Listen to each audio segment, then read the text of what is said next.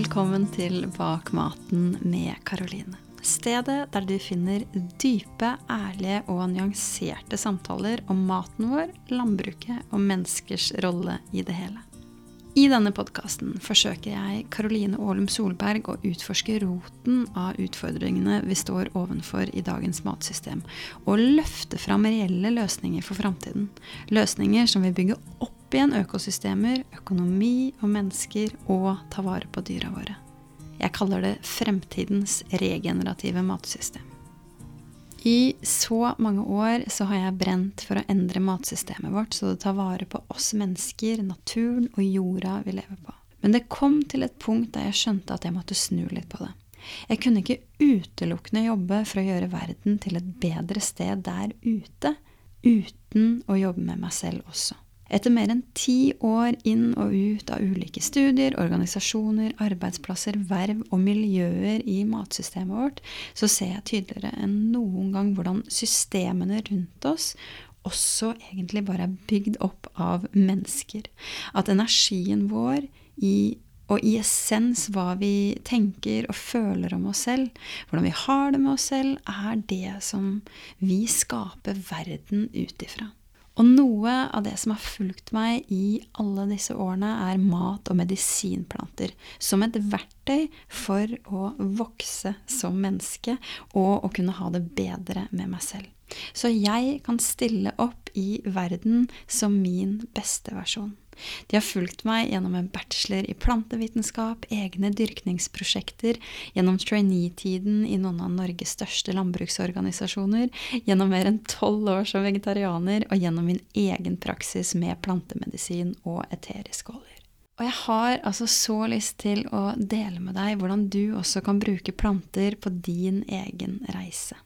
Jeg har derfor lagd et gratis minikurs som heter Indre transformasjon med planters visdom. Det er for deg som vil lære hvordan du kan bruke mat og medisinplanter for å begynne med deg selv og din energi når du vil gjøre verden til et bedre sted. I minikurset så lærer du bl.a. hvorfor du bør koble deg på plantenes visdom i din spirituelle utvikling, hvordan du kan høste og lage din egen plantemedisin, hvorfor og hvordan du kan bruke intuisjonen din når du jobber med planter, eteriske oljer som verktøy for å vende innover, hvordan du kan bruke eteriske oljer i meditasjon, og hvordan matens energi og vibrasjoner påvirker deg, og hvordan du kan påvirke den. Du melder deg på helt gratis ved å gå inn på plantwhispers.no slash påmelding. Altså plantwhispers.no skråstrek påmelding. Du finner også denne linken in the show notes, som de sier i alle de store amerikanske podkastene. Podkastteksten heter det kanskje på norsk. Kurset er 100% på nett, 100% gratis, og jeg gleder meg så mye til å dele det med deg. Så over til dagens episode. Torunn Ytrehus har i mange år hatt et vanskelig forhold til mat. Og det vet jeg at hun ikke er alene om. For for veldig mange av oss har mat blitt en av de aller største kildene til usikkerhet og frustrasjon. Torunn har derfor skapt Improving Lives for å hjelpe kvinner å finne tilbake igjen til frihet og glede rundt mat, bl.a. gjennom å jobbe med mindset og egenkjærlighet. Hun mener nemlig at det er umulig å skape varig endring hvis man ikke også jobber med rotårsakene til utfordringene vi står ovenfor. Temaet i denne episoden er altså hvordan man kan gå fra kontroll og strenge dietter til å ha et avslappa, gledelig og fritt forhold til mat. Vi snakker bl.a. om hvorfor så mange har et vanskelig forhold til mat i dag. Hvordan man kan skape varig endring og et liv der man kjenner frihet og glede rundt mat sammenhengen mellom mat og følelser, og hvordan et vanskelig forhold til mat egentlig handler om et vanskelig forhold til deg selv. Vi snakker også om så mye mer. Det ble en deilig, dyp samtale om alle de viktigste tingene i livet, og som bygger broer mellom indre arbeid, mat og de store systemene i verden akkurat sånn som jeg liker det. Episoden er sponsa av økologisk.no, og jeg er Karoline Ålum Solberg. Og hvis du lurer på noe, så kan du alltid sende meg en mail på karoline.bakmaten.no, eller finne meg på Instagram under karoline.alum.solberg. God litt!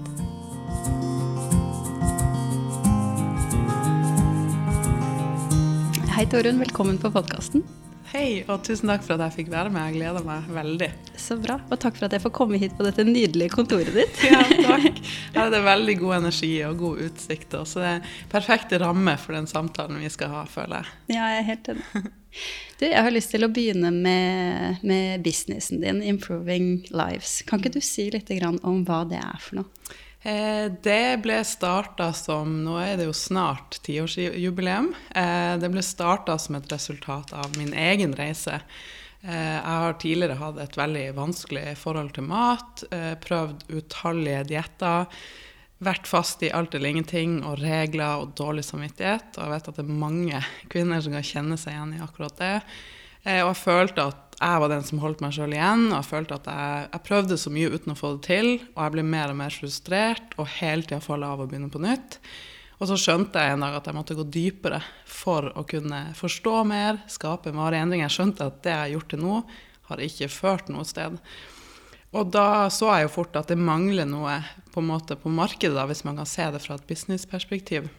Fordi jeg endra mitt liv totalt med den kunnskapen jeg fant om sult og mettelsesfølelse, om hvordan vi endrer vaner, hvordan vi tenker på, og at vi må ta utgangspunkt i oss sjøl. Fordi gjør vi ikke det Det er ikke en one size fits all, og vi må tørre å lytte til oss sjøl og starte derfra, for det er da vi kan skape en varig endring. Og da ble Improving Lives til.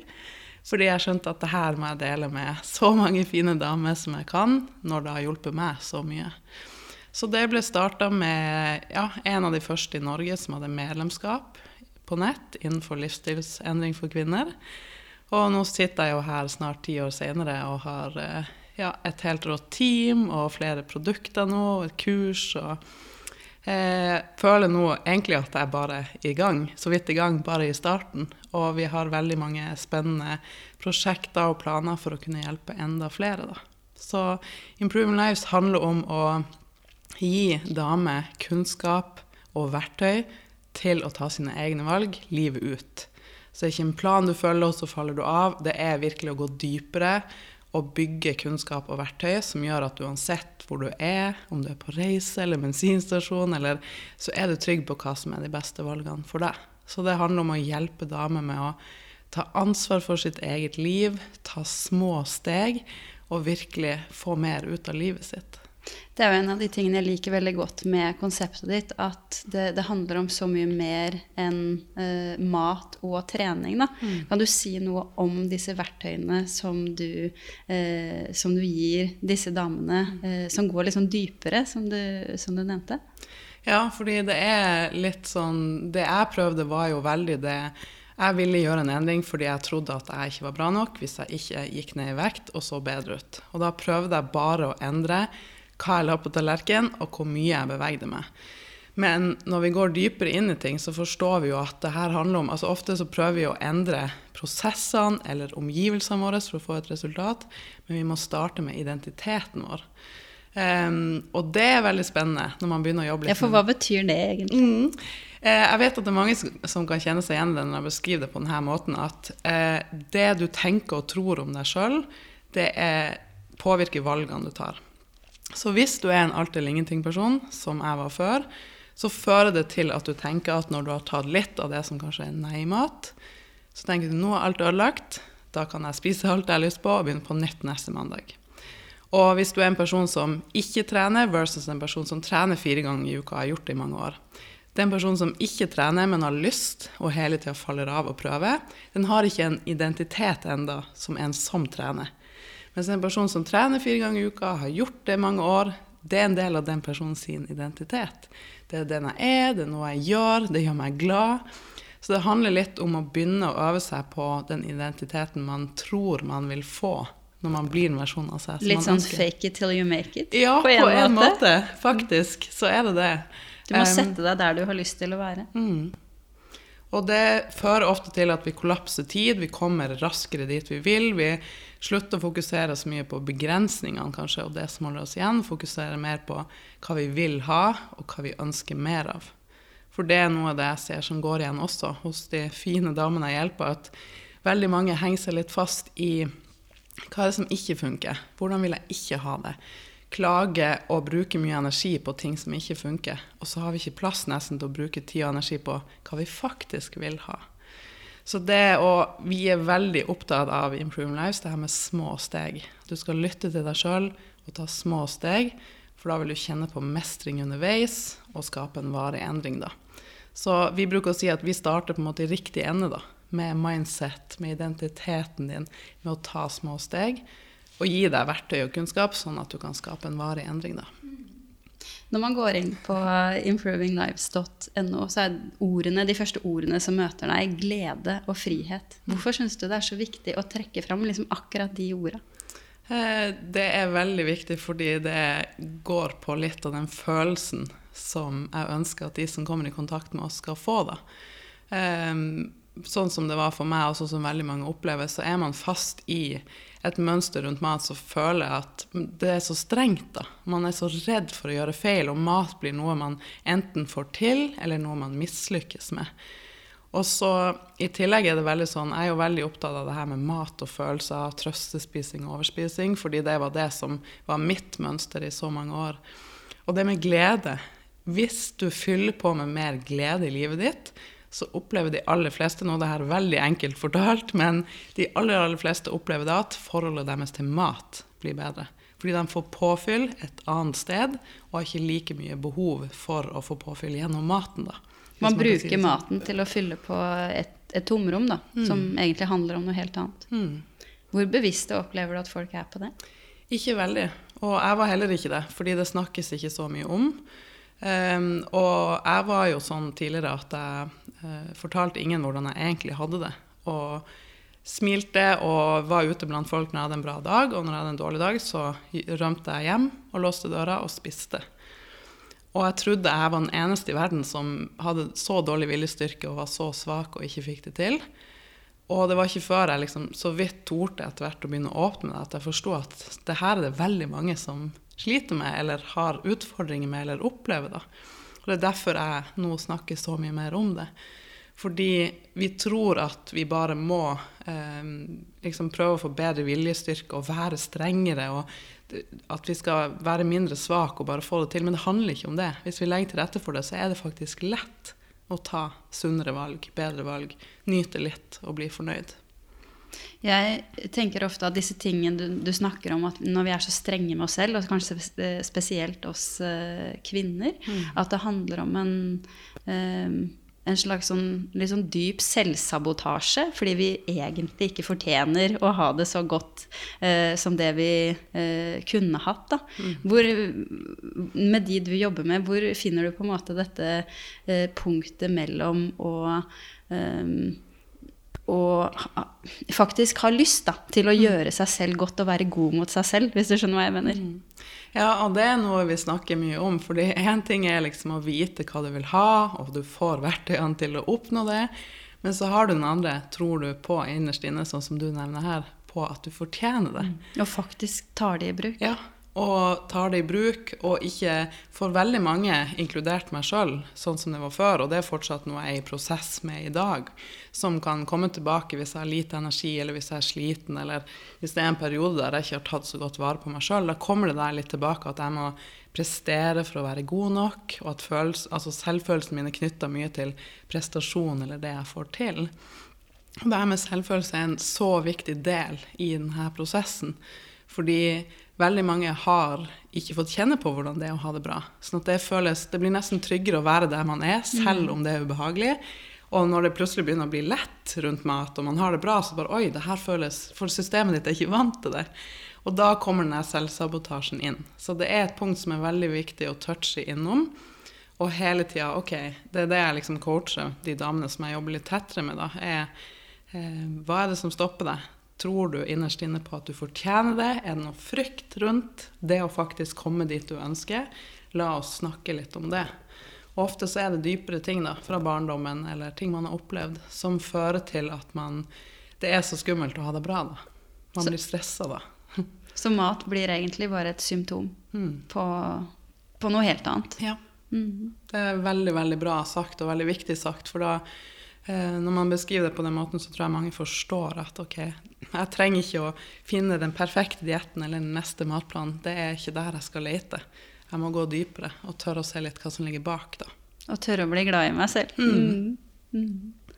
Hvorfor tror du spesielt kvinner er så harde mot seg selv? Ja, det er et veldig eh, komplekst og viktig spørsmål som jeg sjøl tenker på nesten hver dag. Eh, nå, kan, nå, skal jeg ikke utlevere samboeren min, men jeg ser jo bare det i min relasjon og i relasjonene til venninnene mine rundt meg, at de som har barn, da ser jeg at det som går igjen, er ofte at mennene da er mye snillere med seg sjøl. De har ikke like høye krav, de legger seg lettere ned på sofaen. og Vi kan se litt på Netflix eller YouTube med ungen, og det går fint.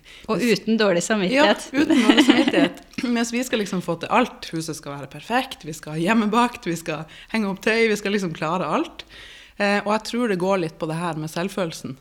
Eh, og at for veldig mange dame, da, så er vi kanskje redd for å ta plass, redd for å gå vår egen vei, lytte til hva vi egentlig vil, og vi er vant til å sette alle andre foran oss sjøl på den prioriteringslista. Eh, og da føler vi oss gode nok, hvis vi bare gir og gir og gir. Og det er noe jeg gjerne vil være med på å snu litt, da, og bryte litt det her mønsteret. For det, både jeg og du, og du som hører på, vet jo det at vi har mye mer å gi når vi tar vare på oss sjøl først. Mm. Når du, når du, snakker nå, så, så, er det en ting som slår meg litt sånn det, det store bildet og historisk, hvordan eh, det på mange måter har vært liksom a man's world. Mm. Og at det kan være noe, noe, noe, ganske dypere når det gjelder det å være eh, kvinne som eh, Ja, på ganske mange plan, da. Mm. Som gjør at man må eh, hevde seg på en helt annen måte bare for å føle at man må eksistere, på en mm. Og det er jo bare, Man kan jo også se det i sånn eksempel på spørsmål mammaer og pappaer får. da. Så er det jo sånn Ja, uh, vi damer får jo mye mer spørsmål hvis vi gjør ting for oss sjøl. Eh, ja, er det pappaen som passer barnet, og sånne ting. Uh, mens det gjør jo ikke menn på samme måte i det hele tatt. Og jeg føler at det er mindre vanlig at vi tar plass, at vi liksom tør å snakke høyt om det vi får til. og Eh, går vår egen vei, som jeg sa, og tør å skille oss litt ut. Eh, for jeg tror vi har blitt fortalt lenge at eh, vi skal passe på familien, og vi skal sitte litt i bakgrunnen, og skal mennene sine, Men la oss snu det, sier jeg.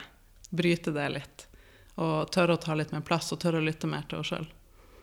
Hva er dine beste tips til kvinner som er i den prosessen? For jeg, jeg, både har vært og er selv i akkurat den prosessen du beskriver nå, og det kjennes jo ut som man, man dør. Mm. Bare det å på en måte skulle være synlig og ta plass og mm. ja, alle de tingene. Hva er, liksom, hva er ditt beste tips?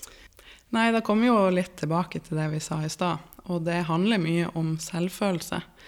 Fordi hvis du er trygg i deg sjøl. Og hvis du liker den du er, og vet at du har de beste intensjoner, så tør du mye mer. Da står du mye stødigere. Du er ikke like redd for å feile. Du er ikke like avhengig av hva andre syns, og den feedbacken fra andre, for at du holder alt i deg sjøl. Du har space for deg sjøl. Du klarer å snakke fint til deg sjøl uansett hva du presterer, da. Så jeg tror det går mye på det å tørre å begynne forsiktig med å styrke selvfølelsen. Og selvfølelsen kan man styrke med å det å ta valg, sette grenser, ta valg som gjør at du har det bra, det er en enkel ting for å styrke selvfølelsen. Holde avtalene dine med deg sjøl. Eh, og det er derfor jeg lærer bort sånne enkle ting med morgengull, starte dagen med et stort glass vann. For det er en liten ting. Du kan gjøre det rett etter du har pussa tennene. Det er en ting du allerede gjør hver dag. Så drikker du et stort glass vann. Det er en ting, en liten avtale du kan begynne å ha med deg sjøl, som du kan vise for deg sjøl at du holder den avtalen. Fordi For mange sånn som du sier, det føles litt som å dø. Det er så skummelt. Det her med å sette grenser, ta mer plass, tørre å liksom føle hva vil jeg? Kan jeg liksom, har jeg lov til å lytte til det? Det er så ukjent. Det er så ukjent. Og det, det er derfor vi må gjøre det gradvis. Fordi at det vil føles ubehagelig i systemet ditt, og du trenger å liksom trene opp den muskelen, da, hvis man kan si det sånn. Så jeg tenker at eh, vi må alltid gå tilbake til forholdet vårt til oss sjøl. Fordi det er der vi kan finne så mye svar, så mange nøkler til å få et mye bedre liv og til å tørre mer og ta mer plass. da. Være oss sjøl. Fordi hvis man ikke har god selvfølelse, hvis man ikke liker helt seg sjøl, så er man jo avhengig av, da, av, av hva andre syns. Mm. Jeg sitter veldig ofte og, og tenker på eh, sammenhengene mellom det som foregår på innsiden i oss, og det som foregår på utsiden. Og ikke bare utsiden som i den nære familien og i huset, men i de, måte, de store systemene vi har skapt oss eh, eh, som mennesker. Da. Hvordan, hvordan, ser du på en måte det å ta vare på seg selv på den måten som, eh, som du snakker om veldig mye? Hvordan påvirker det på en måte de eh, Kanskje litt stort spørsmål, men de mm. store strukturene i samfunnet og de store systemene våre. Da. For jeg, ehm, jeg har jo vært uh, trainee i noen av Norges største landbruksorganisasjoner og sett veldig mye liksom, hvordan politikk fungerer, og de store organisasjonene mm. uh, og sånne ting. Og jeg ser en sånn enorm ubalanse i uh, energien man legger i å fikse symptomer og ting på utsiden, og det å jobbe med seg selv. Mm. Har du noen tanker rundt det? Ja, jeg tenker at å, det vi toucher på her, er jo så viktig. Eh, og det at vi alle kunne starte med oss sjøl, vil jo påvirke, påvirke, hele samfunnet i sin helhet. Fordi altså jeg, Når jeg kjører hjem fra kontoret noen gang og ser hissige folk i trafikken, så tenker jeg bare OK, én, den personen har kanskje ikke stabilt blodsukker.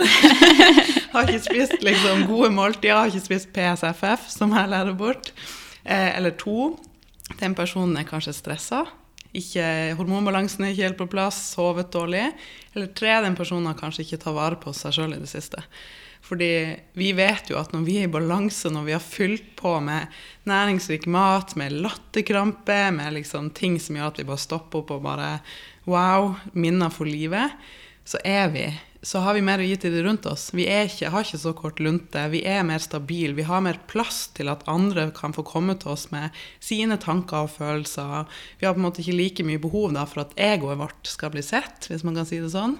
Um, ja, For de som ikke er så kjent med akkurat det, hva betyr det? Mm. Jeg bruker å beskrive egoet som på en måte det, liksom, det lille barnet i oss, eh, og den delen av oss som eh, Egoet er jo på en måte der for å passe på oss og sørge for at vi holder oss trygge.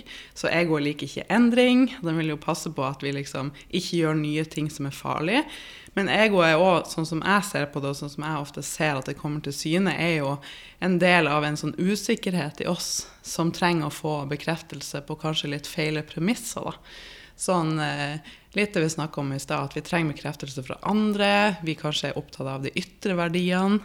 Um, mens jeg syns jo Altså, vi skal høre på ego, og det er veldig sunt at det er der, men det å ha den balansen og være litt mer sånn nysgjerrig på Oi, der ble jeg litt sjalu på venninna mi med det hun klarte å oppnå. Hmm, interessant.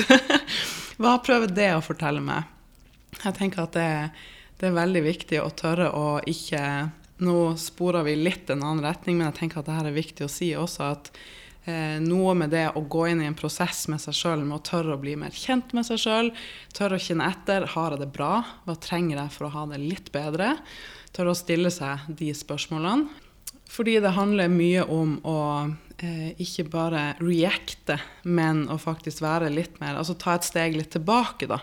Eh, og tørre å bli litt mer nysgjerrig på seg sjøl og måten man fungerer i hverdagen sin. Og jeg tror at hvis vi alle hadde gjort det litt mer, da, tort å ta litt utgangspunkt i oss sjøl og stoppa litt oftere opp og kjent etter hvordan har jeg det, og hva trenger jeg egentlig, så tror jeg at verden hadde vært et mer harmonisk sted. da.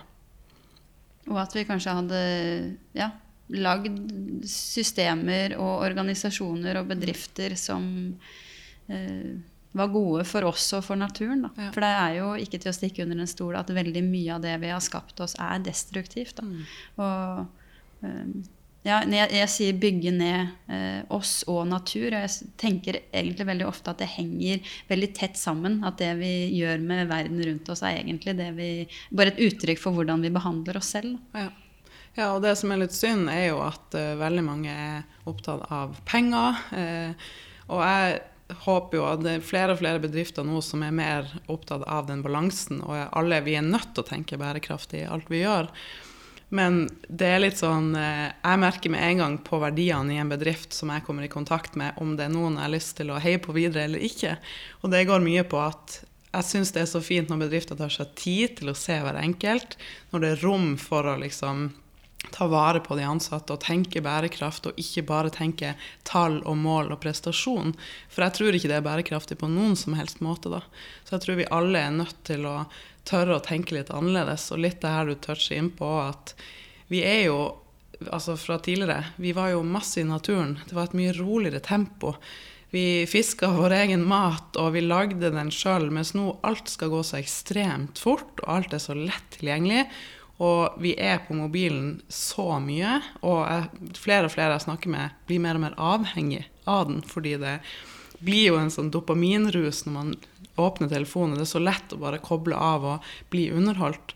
Og vi fjerner oss lenger og lenger vekk fra det jeg tror er kjernen i det som gjør oss mest lykkelige, og som er bærekraftig. Vår natur. Ja, rett og slett. Mm. Og det har vi jo alle, du som hører på nå, vet jo det at når du, hvis du går en tur i skogen og hører på fuglene kvitre, og sola skinner, og bekken sildrer, og mobilen ligger et helt annet sted Du får kjenne på veldig mange gode følelser som du ikke får kjenne på når du sitter i trafikken, har lavt blodsukker, og det plinger med notifikasjoner på telefonen, og liksom du har dårlig tid, da. Mm. Du sa vi, vi spora litt av, men, men samtidig så, så tenker jeg jo at både det jeg og du jobber med eh, det, det, er nødt til å gå dypere mm. også, da. Eh, og vi er nødt til å begynne å snakke om disse tingene som ligger Jeg har jo kalt den podkasten her 'Bak maten'. ikke mm. sant? Og det å ja, snakke om hvilke drivere som faktisk gjør at vi tar valg, da. Mm. Fordi som vi sa innledningsvis, det her med at uh, mat bare er et symptom ikke sant, på på hva, da. Ja. ja. jeg tror vi alle eh, For det første så er jo det jeg snakker mye om til de fine damene som jeg hjelper, er jo det her hva som ligger bak valgene du tar. Det er så viktig at vi starter der. Og jeg tenker at det er for oss òg. Det, det, er viktig å liksom komme litt i kjernen i hvem vi er og hva vi har lyst til. Og komme litt bak. Eh, og ikke bli så fast i hva som ser bra ut utad, og hva alle andre gjør men ta utgangspunkt mer i oss sjøl, da. Det er mer viktig enn noen gang. Mm. Ok, jeg tenker vi kan komme litt tilbake igjen til, eh, eh, til mat og, og, og, kosthold igjen. Um, og jeg vet at et ønske om eh, et godt og naturlig forhold til mat og trening eh, har vært noe av motivasjonen din for å, eh, å starte Improving Lives. Mm. Um, og, og, også at det er veldig mange andre som ønsker seg akkurat det samme. Vi har jo snakka en god del om uh, akkurat det nå, men har du noen tanker om hvorfor det er, eller noen andre tanker om hvorfor det er så mange som har et uh, kanskje vi skal kalle det et unaturlig forhold til mat og det å bevege kroppen sin, som egentlig er så grunnleggende og naturlig? da? Mm. Ja, Én ting er jo eh, måten ting blir fremstilt på i sosiale medier nå, eh, og at mange er hele tida på jakt etter den quick fixen, da. Eh, og tenker at bare jeg går ned i vekt, da skal jeg bli lykkelig og tørre å leve livet mitt sånn som jeg ønsker, og da skal jeg føle meg fin og være god nok. Um, og i tillegg så er det jo sånn at uh, det er liksom flere innfallsvinkler inn på det her, for vi må også snakke litt om prosessering av mat og den maten som vi har tilgjengelig i dag. Igjen, det går mye på økonomi, og det går mye på tilgjengelighet.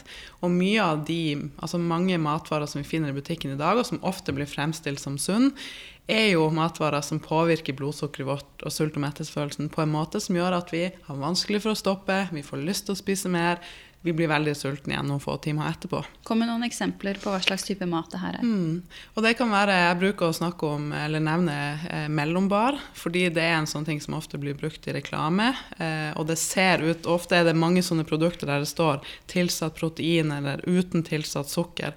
Men så er det ekstremt bearbeida. Hvis du sammenligner mellombar med en neve nøtter og en banan, da, så vil det gi helt forskjellig metthetsfølelse og stabilt blodsukker. Og jeg er jo veldig opptatt av å lære bort det her med sult- og metthetshormoner. Og det er mange studier som viser at prosessering av mat, som enkelt fortalt vil bare si at man tar Altså Litt prosessering av mat kan være at man tar en gulrot, kutter den i biter og steker den i en panne. Det er også prosessering av mat.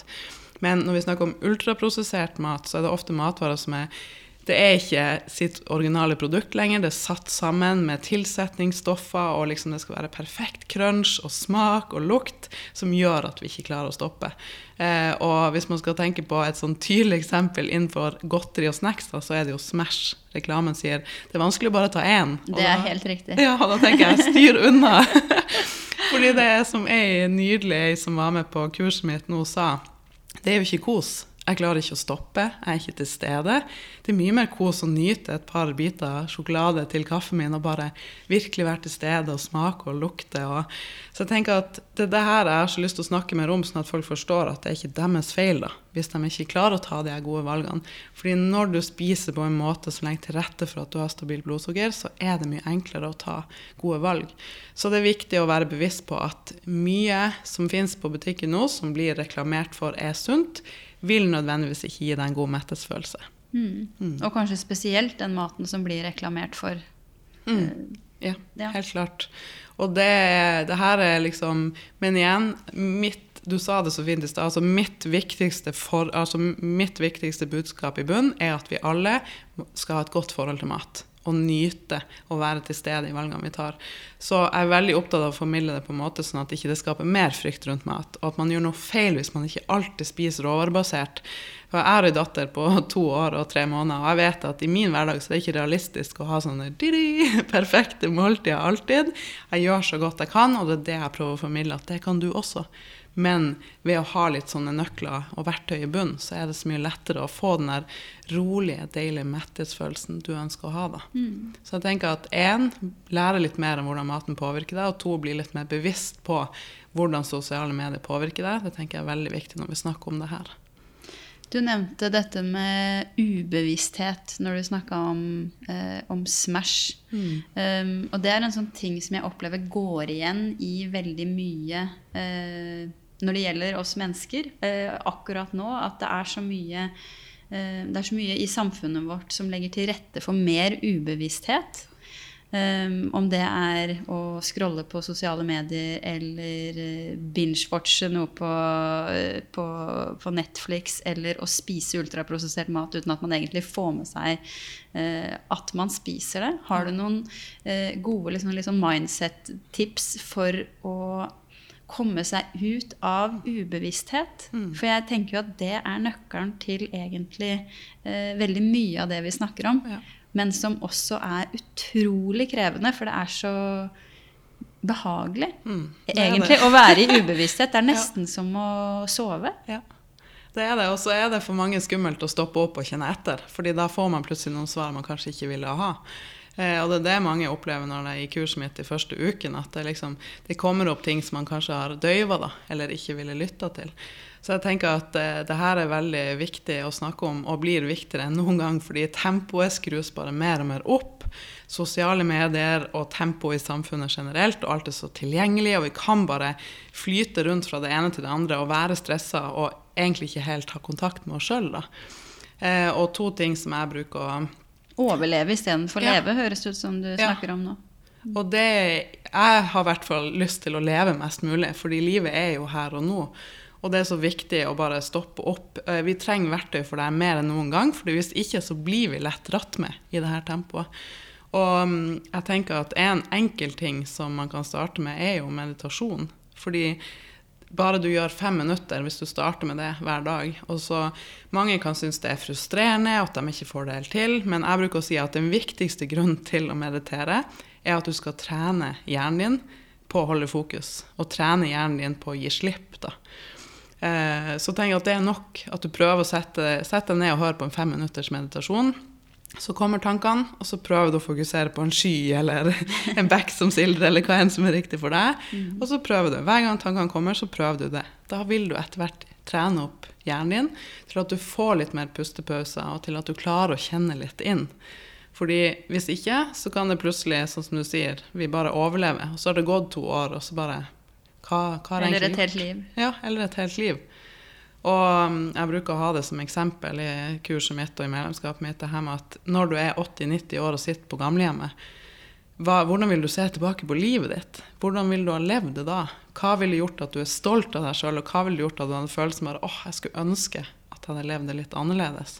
Jeg tror det er viktig å stille seg det spørsmålet for å bare røske seg sjøl litt opp fra den hverdagsmølla vi alle lett havner i, da, hvis vi ikke er bevisst. Mm. Så noe av det du sier, handler også om å være modig. Mm. Eh, og det å, å Idet man slutter å overspise eller slutter å stimulere seg selv hele tiden, og, og, eh, og tørre å møte det som da dukker opp, som man kanskje har døyva ubevisst i veldig lang tid. Ja. Ja, og det er liksom det er den andre vinkelen inn, er at eh, det er veldig viktig å ha et eller annet, en eller annen form for utløp, da. Om det er å ta penn og papir og skrive ned alt du tenker og føler, om det er å ringe venninna du stoler på, eller snakke med noen du stoler på, og kunne liksom sette ord på det du føler, og hvor du er. Og jeg er en sånn person som eh, Jeg lærte ordet debrief av min kjære. Um, og jeg er en sånn person som når jeg snakker høyt om ting, så klarer jeg liksom å plassere det mer og forstå hvorfor jeg føler som jeg har gjort. Jeg klarer å være snillere med meg sjøl. Ja, det var ikke rart du følte det sånn. sånn. Så for meg så er det veldig viktig å kunne ha venninne og kjæresten min som jeg kan snakke med om ting. Så jeg tenker at én liksom test meditasjon, og to prøve å ha et eller annet rom i løpet av uka di der du kan være deg sjøl, der du kan sette ord på hva du føler og tenker. Det, hvis det er mye som kommer opp når man først liksom skal prøve å stoppe opp da, og gjøre meditasjon, så er det veldig viktig å ha den støtten rundt. Et utløp også. Mm. Mm. Veldig. Mm. Du var jo litt inne på det i stad da du sa at du var veldig opptatt av hvordan mat og følelser henger sammen. Mm. Um, for de som tenker at nå, nå, har vi jo selvfølgelig vært inne på ganske mye av disse tingene, men uh, hvis man fortsatt liksom ikke helt forstår hvordan mat og følelser uh, henger sammen, kan Mm. ikke du gi oss ditt perspektiv på det? Ja. um, og det er jo altså Bare for å legge det til grunn først, så er jo mat minner, det er nytelse, mat er kultur, mat er veldig viktig for oss. Uh, men det er også en av de letteste eh, måtene å føle på nytelse, rømme fra hverdagen sin, klare å slappe av. Eh, og veldig mange kjenner på det her at eh, de trenger å spise noe på kvelden eh, for å slappe av, for å kose seg. Og det er ofte følelsene våre rundt mat som styrer valgene vi tar. Og jeg bruker å stille spørsmålet hva er du egentlig sulten på? Spesielt for de da som opplever at kvelden er en utfordring, eller helgen er en utfordring, eller når du er alene hjemme f.eks. Kanskje bor du alene, og da er det en utfordring du møter hele tida. At når du er alene, så er det lett at du går i skapet og finner alt som finnes der. For det er akkurat som at det er et eller annet inni deg som prøver å fortelle deg noe som du ikke tør å lytte til. da. Så det å eh, stille seg det spørsmålet hva er jeg egentlig sulten på, hva, er egentlig, har jeg egentlig behov for? Fyller jeg på med gøy? Fyller jeg på med glede? Har jeg satt grenser for meg sjøl i dag? Har jeg pusha meg sjøl for hardt? Er jeg i konstant stress og bare gleder meg til kvelden? Når jeg kan åpne skapet og finne noe digg og bare rømme litt fra hverdagen min, der det ikke er noen krav, se på Netflix, spise noe og bare åh, da er det et symptom, da, eller et tegn på at uh, du hadde hatt det så mye bedre hvis du torde å gå noen steg tilbake og tok litt bedre vare på deg sjøl. Øvde deg på grensesetting, øvde deg på å fylle på med gøy og glede. Og også det her med å lære det. Måltidssammensetning er jo også viktig i denne sammenhengen. Så det er litt sånn for mange Én, vi er på en måte født intuitive spisere. Som vil si at når vi er barn, så har vi jo helt naturlig for å skrike når vi er sulten, og vi stopper når vi er passelig fornøyd. Og si nei til det vi ikke vil ha, Ja. og ja til det vi vil ha. Det er akkurat det. Ganske frustrerende for oss som er foreldre, men sånn er det. Um, og så etter hvert så endres det her. Med påvirkning fra samfunnet, påvirkning utad. Men i tillegg så er det sånn som jeg og tar meg sjøl i iblant. Og hvordan vi som foreldre kan føre til at man knytter mat til trøst. da. Eh, hvis noen er lei seg, så er det lett å si 'Å, vil du ha en is?' Um, og knytte hele tida mat til at da, da skal vi kose oss litt ekstra, eller det kan du få når du har fortjent noe, eller hvis du er lei deg, så kan du få en is.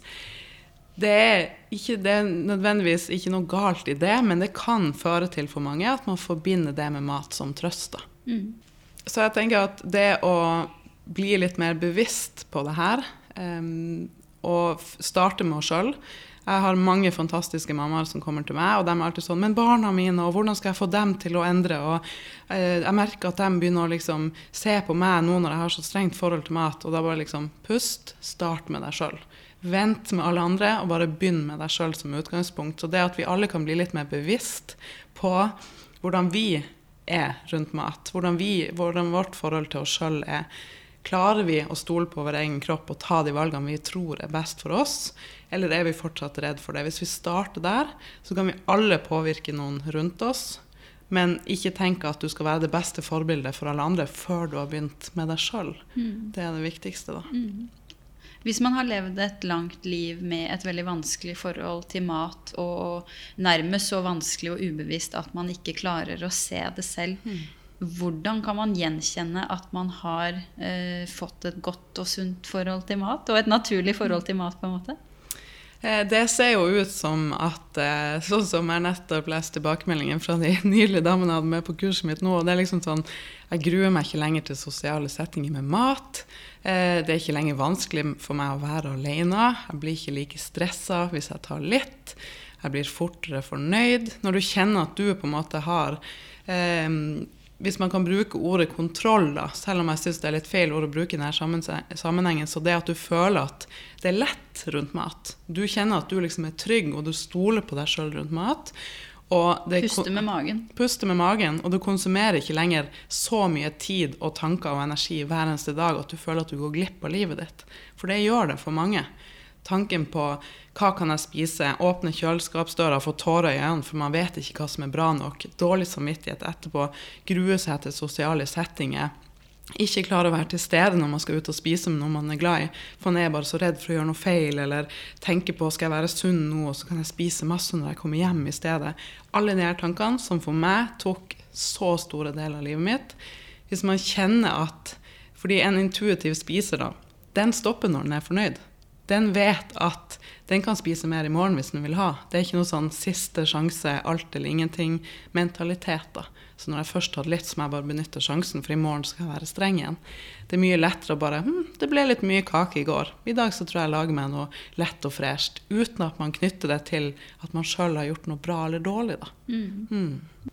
Du var jo så vidt inne på det i stad, det her med eh, dietter. Eller vi nevnte i hvert fall ordet, men vi har ikke snakka noe særlig om det. Mm. Vil du si noen ord om hvorfor du tenker dietter ikke er eh, en løsning? For det vet mm. jeg jo at du, du er ikke noen fan av, av dietter og liksom strenge regimer og kontroll og regler og disse mm. tingene. Nei, og det er jo for det første, hvis man går til forskninga, så er det jo sånn at 95-96 eh, mislykkes, hvis man kan si det sånn. De faller av. Og de aller, aller fleste som starter med en diett, gjør ofte det fordi de har lyst til å endre utseende eller gå ned i vekt. Og de aller fleste ender opp med å gå opp mer etter en diett enn før de starta. Så det er liksom bevist i forskning at dietter ikke funker, og det er én ting. Men viktigst av alt, så for veldig mange så fører det til at vi kommer oss lenger vekk fra dit vi ønsker å komme. da. Vi stoler mindre på vår egen kropp. Vi får kanskje et mer anstrengt forhold rundt mat. Det er ikke en måte å skape en varig endring på, da.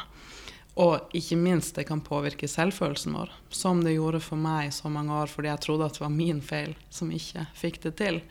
Så vi trenger i stedet å fjerne regler og strenge matplaner og tørre å lære mer om måltidssammensetning og lytte mer til oss sjøl.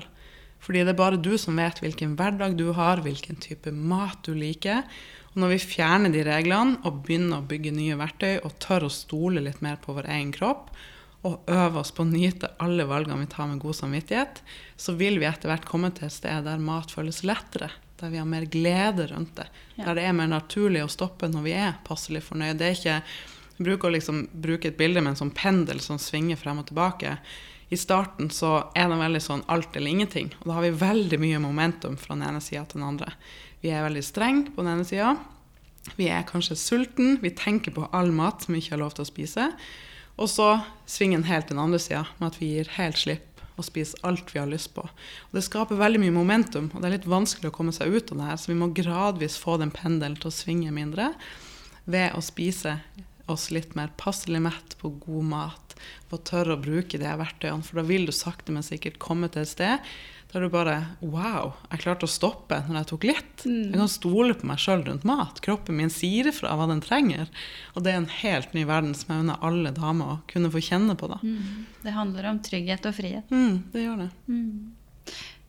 Du sa at det Eller du er veldig opptatt av at det ikke er eh, liksom denne kvinnen sin, sin feil. Mm. Eh, men samtidig så vil du at kvinnen skal ta ansvar. Eh, hvor går liksom denne, denne balansen mellom å eh, og, og, på en måte ja, ta ansvar, og at det ikke er ditt ansvar. Hvis, ja, ja. hvis du skjønner hva jeg mener. Ja, jeg elsker at du stilte det spørsmålet, for det er veldig viktig å tydeliggjøre hva jeg mener med det. Fordi um, en, hvis du alltid er fast i det at uh, du prøver nye dietter, prøver strenge matplaner, prøver en måte som det, det, funker ikke for deg, du faller av igjen og igjen, så er det så viktig at du forstår at det finnes en annen måte å gjøre det på.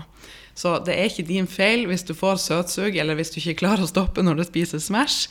Man får søtsug når man ikke spiller på lag med sulthormonene. Det er vanskelig å stoppe hvis man spiser for lite, stresser mye, som igjen påvirker hormonbalansen, og rett og slett er en jobb man ikke trives i, har ikke venninner rundt seg som man føler man kan være seg sjøl med. Da har man et behov for maten. Så det er liksom én ting å få forstå det her, få de verktøyene og kunnskapen rundt det. Men Ingen endring skjer hvis ikke du tar ansvar for å skape den endringa. For jeg kan gi alle verktøy som fins, og all kunnskapen jeg har, men det er du som må ta den i bruk. Og igjen, det er bare du som vet hvilken hverdag du har, hva du trenger. Du vet i perioder at det er mye for deg, og at da kan ikke det her med livsstilsendring ta like mye plass. Det må du være ærlig med deg sjøl om, og det er du som må be om hjelp når du trenger det. Så det, liksom, det, kan være så vondt og frustrerende å høre i starten. Bare du må ta ansvar for ditt eget liv. Det er bare du som kan skape endring. Hvis man ikke vet hvilke steg man skal ta. Mm. Bare, ja, men jeg har jo prøvd, jeg får det ikke til. Men noe annet er når du knytter de to tingene sammen og forstår det at wow, det er faktisk jeg som må ta det her i bruk. Det er faktisk jeg som må tørre å liksom sette grenser, be om hjelp, ta utgangspunkt i meg sjøl for å få det her til å funke for akkurat meg. Mm. Så det er ikke din feil at uh, ultraprosessert mat uh, ødelegger kroppen din, men det er ditt ansvar å uh, gjøre noe når du vet det, ja. og ta i bruk den kunnskapen. Mm. Ja, det er akkurat det. Veldig fint sagt. I eh, denne podkasten så er jo på en måte paraplyen å lete etter det regenerative matsystemet. Altså et matsystem som eh, anerkjenner at vi har eh, Kan jeg få lov til å si fucka opp en god del. Eh, både i oss mennesker og natur, og, og, hvordan vi på en måte forvalter denne jorda. Eh, og derifra bygger opp igjen. Eh, alle de tingene du eh, jobber med, hvordan ser du eh, Og da tenker jeg kanskje eh, resultatene fra arbeidet ditt med at kvinner føler seg friere, tryggere, har et sunt og godt forhold til seg selv og er mer eh, glad i seg selv. Da. Hvordan ser du det påvirker eh, dette regenerative matsystemet mm. som jeg er på jakt etter? Ja, jeg ser jo at det påvirker alt. Eh, så jeg tenker at eh, det er viktigere enn noen gang at vi setter fokus på ting som er bærekraftig. Bærekraftig livsstilsendring, bærekraftig alt vi gjør. Og jeg mener jo det at vi kvinner er nøkkelen til mye. For det er liksom vi som bestemmer mye i familien. Det er vi som er forbilder kanskje mest for barna våre når det kommer til i hvert fall hvis man ser på liksom tidligere, så vet jeg at veldig mange i min generasjon vokste opp med en mamma på diett som snakka mye om det hjemme, og som hadde veldig mye fokus på det. For da var det veldig mye fokus på forsida på allers nye dietten og hit og dit. Så jeg tenker at vi kvinner har så mye mulighet til å påvirke det her i en riktig, en, en riktig retning, da. Og det er mye mer bærekraftig på alle måter å ha et sunt og godt forhold til mat og et sunt og godt forhold til seg sjøl. For da har du ikke lenger like behov for å please liksom, de her ytre verdiene og egoet ditt, og kanskje med å shoppe på en måte som ikke er bærekraftig, på å ta valg som du gjør av feile grunner, men du nærer det mer ekte, da. Ehm, du er kanskje mer i naturen, du lever et litt roligere liv. Um, og du påvirker faktisk de rundt deg på en mye bedre måte når du er på plass i deg sjøl. Kan jeg dra det så langt som å si at man gjør mindre skade? Ja, det kan du. Jeg har vært gjennom en prosess for min egen del med det her eh, på så mange plan. Eh, og blitt enda mer nysgjerrig på meg sjøl i forhold til det. Ok, men hvorfor shopper du? Hvorfor har du lyst til å kjøpe noe nytt nå? og tort å stille meg enda flere spørsmål, som har gjort at min livsstil har også blitt veldig mye mer bærekraftig de siste årene. Og det hadde jeg ikke klart hvis det har kommet som en naturlig konsekvens av at mitt forhold til meg sjøl har blitt bedre. fordi jeg har tort å jobbe med meg sjøl, da. Mm. Jeg kjenner det veldig godt igjen selv også, og, og, ser også både gjennom meg selv og andre hvor mye skade man gjør både som kvinner og som mennesker når man ikke har det godt med seg selv. Da. Både mot seg selv, men også barna sine og de rundt seg selv man ikke egentlig har lyst. Ja. Så, det, det, så, det, så, det, er så, essensielt det vi snakker om her med å, med å ha det godt med seg selv. Mm. For å skape en bedre verden og bedre familier og bedre bedrifter ja. og bedre, ja, bedre systemer. Mm. Ja, og det, er derfor at det er så viktig at vi som er opptatt av det her, kan snakke høyt om det. Fordi det trengs mer enn noen gang. da. Og når man tenker på et sånn matperspektiv også, litt det vi snakka om i stad, så er det jo best at man lager mer mat fra bunnen av. Og all forskning viser jo nå, det kommer masse nyere forskning nå som viser metthetsfølelsen av råvarebasert mat. da. Man blir fortere fornøyd, man tar bedre valg. Så jeg bare ser så mye mer bærekraftig i den måten å leve på. Da. Mm. Jeg bruker å, å, stille alle gjestene mine spørsmålet hvordan et eh, regenerativt matsystem eh, ser ut. Men jeg lurer på om jeg heller kan spørre deg hvordan ser en regenerativ livsstil ut for deg? Og nå vet jeg at du er ikke så kjent med dette begrepet regenerativt, men har du allikevel lyst til å, å, eh, å prøve å liksom beskrive denne regenerative livsstilen for deg? Ja, for uh, når du sier det, så tenker jo jeg på det her som jeg toucha veldig mye inn på, da, men det her med å eh, tørre å stoppe opp og bare gi litt slipp på det du har trodd du må leve etter fram til nå. Eh, regler og identiteten din. Ja, men jeg er sånn, og nei, men jeg får aldri til det, for det er bare sånn jeg er. Tør å gi litt slipp på de tingene. Eh, og begynne med å kjenne etter. Hvem er jeg, hva trenger jeg, hvordan kan jeg ha det best mulig? Og begynne å nære det ekte og deg sjøl og forholdet ditt til deg sjøl. For jeg tenker at hvis man starter der, og når det kommer til mat og valg og mat og følelser Hvis man starter å nære forholdet til seg sjøl og lære seg litt mer om sult- og mettelsesfølelsen og begynner derfra, så kan man bygge en livsstil på en så mye mer regenerativ måte, da, eller bærekraftig måte. Mm. Mm. Jeg syns veldig mange av de tingene du snakker om, er, eh, er, det jeg ville kalt å komme i kontakt med intuisjonen min, eller intuisjonen sin. Ja. Um, hva, vi skal begynne å gå inn for landing, men, mm. men jeg har lyst til å ha med det liksom avslutningsvis, eh, i og med at det virker eh, som en sånn rød tråd her. Hva, hva er liksom de, de, viktigste tipsene dine for å eh, ja, komme i kontakt med intuisjonen sin, eller instinktene sine, eller hjertet sitt, eller hva nå enn man har lyst til å kalle denne litt sånn eh, ekte siden ved seg selv? Mm. Levende, bevisste Ja, det er mange ord på det. Ja. Eh, og jeg tenker at det her er så viktig, eh, fordi det kan endre så mye hvis vi alle hadde fått mer kontakt med intuisjon og tatt flere valg derfra.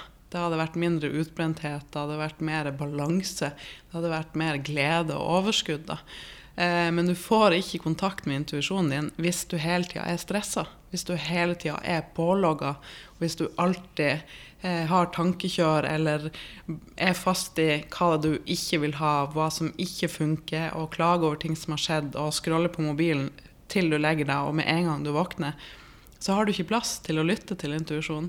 Så det handler litt om å stoppe litt opp, sånn som jeg sa i stad, det her med små pauser i løpet av dagen. Være litt i naturen, teste meditasjon. Eh, og kanskje fikk du mer lyst til å gjøre det når jeg sa det på den måten jeg gjorde nå. For for mange er det bare sånn Å, jeg skal bare sitte og være stille i ti minutter. Og så er det bare sånn noe man gjør da. Sånn check, nå har jeg gjort det. Hvis du i stedet kan tenke at det skal etter hvert bli en måte å leve på, og for å komme dit, så skal meditasjonen hjelpe deg med å få litt fokus. Klare å trene hjernen din til at den ikke alltid må være på og tusen baller i lufta, men at du skal holde fokus på å prøve at den kan bare gi litt slipp. da. Eh, det er noen av de tingene jeg vil anbefale å starte med hvis man vil ha kontakt med intuisjonen din.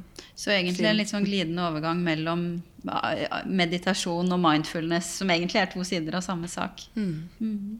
Ja, og jeg tenker at uh, igjen, man må starte der man er, og starte forsiktig. Og for mange så er det kjempeskummelt å stoppe opp. Og det er veldig uvant å ikke skulle scrolle. Man har nesten sånn impuls og bare Eh, det er skummelt at det er stille, og det er skummelt å ikke være busy. Og jeg kjenner meg jo veldig igjen i, i de her tingene sjøl, og har vært i en prosess med det også. Så det er derfor det er viktig å starte i det små, da. Sånn at det blir noe du liksom kan glede deg litt til og gjøre forsiktig. og bli litt vant til, da. Og, og gi seg selv tid og tålmodighet på Mm. veien. Ja. Helt til slutt, eh, Torunn, hva gir deg håp?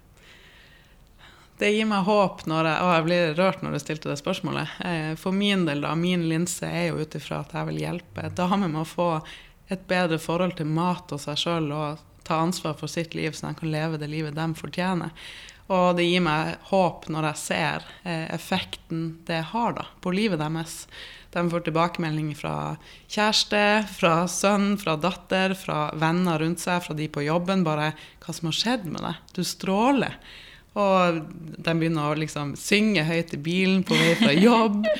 De merker at de har kortere lunte, og at de nyter mer sosiale sammenkomster. Altså, det gir meg håp for at det vil skape så mange ringvirkninger videre. For jeg bare tenker på neste generasjon. Vi har mulighet til å påvirke det på en så positiv måte ved at vi først starter med oss sjøl, når det kommer til kropp og fokuset, og ha et godt forhold til det. Tusen, tusen takk for at du var med på podkasten. Takk for meg.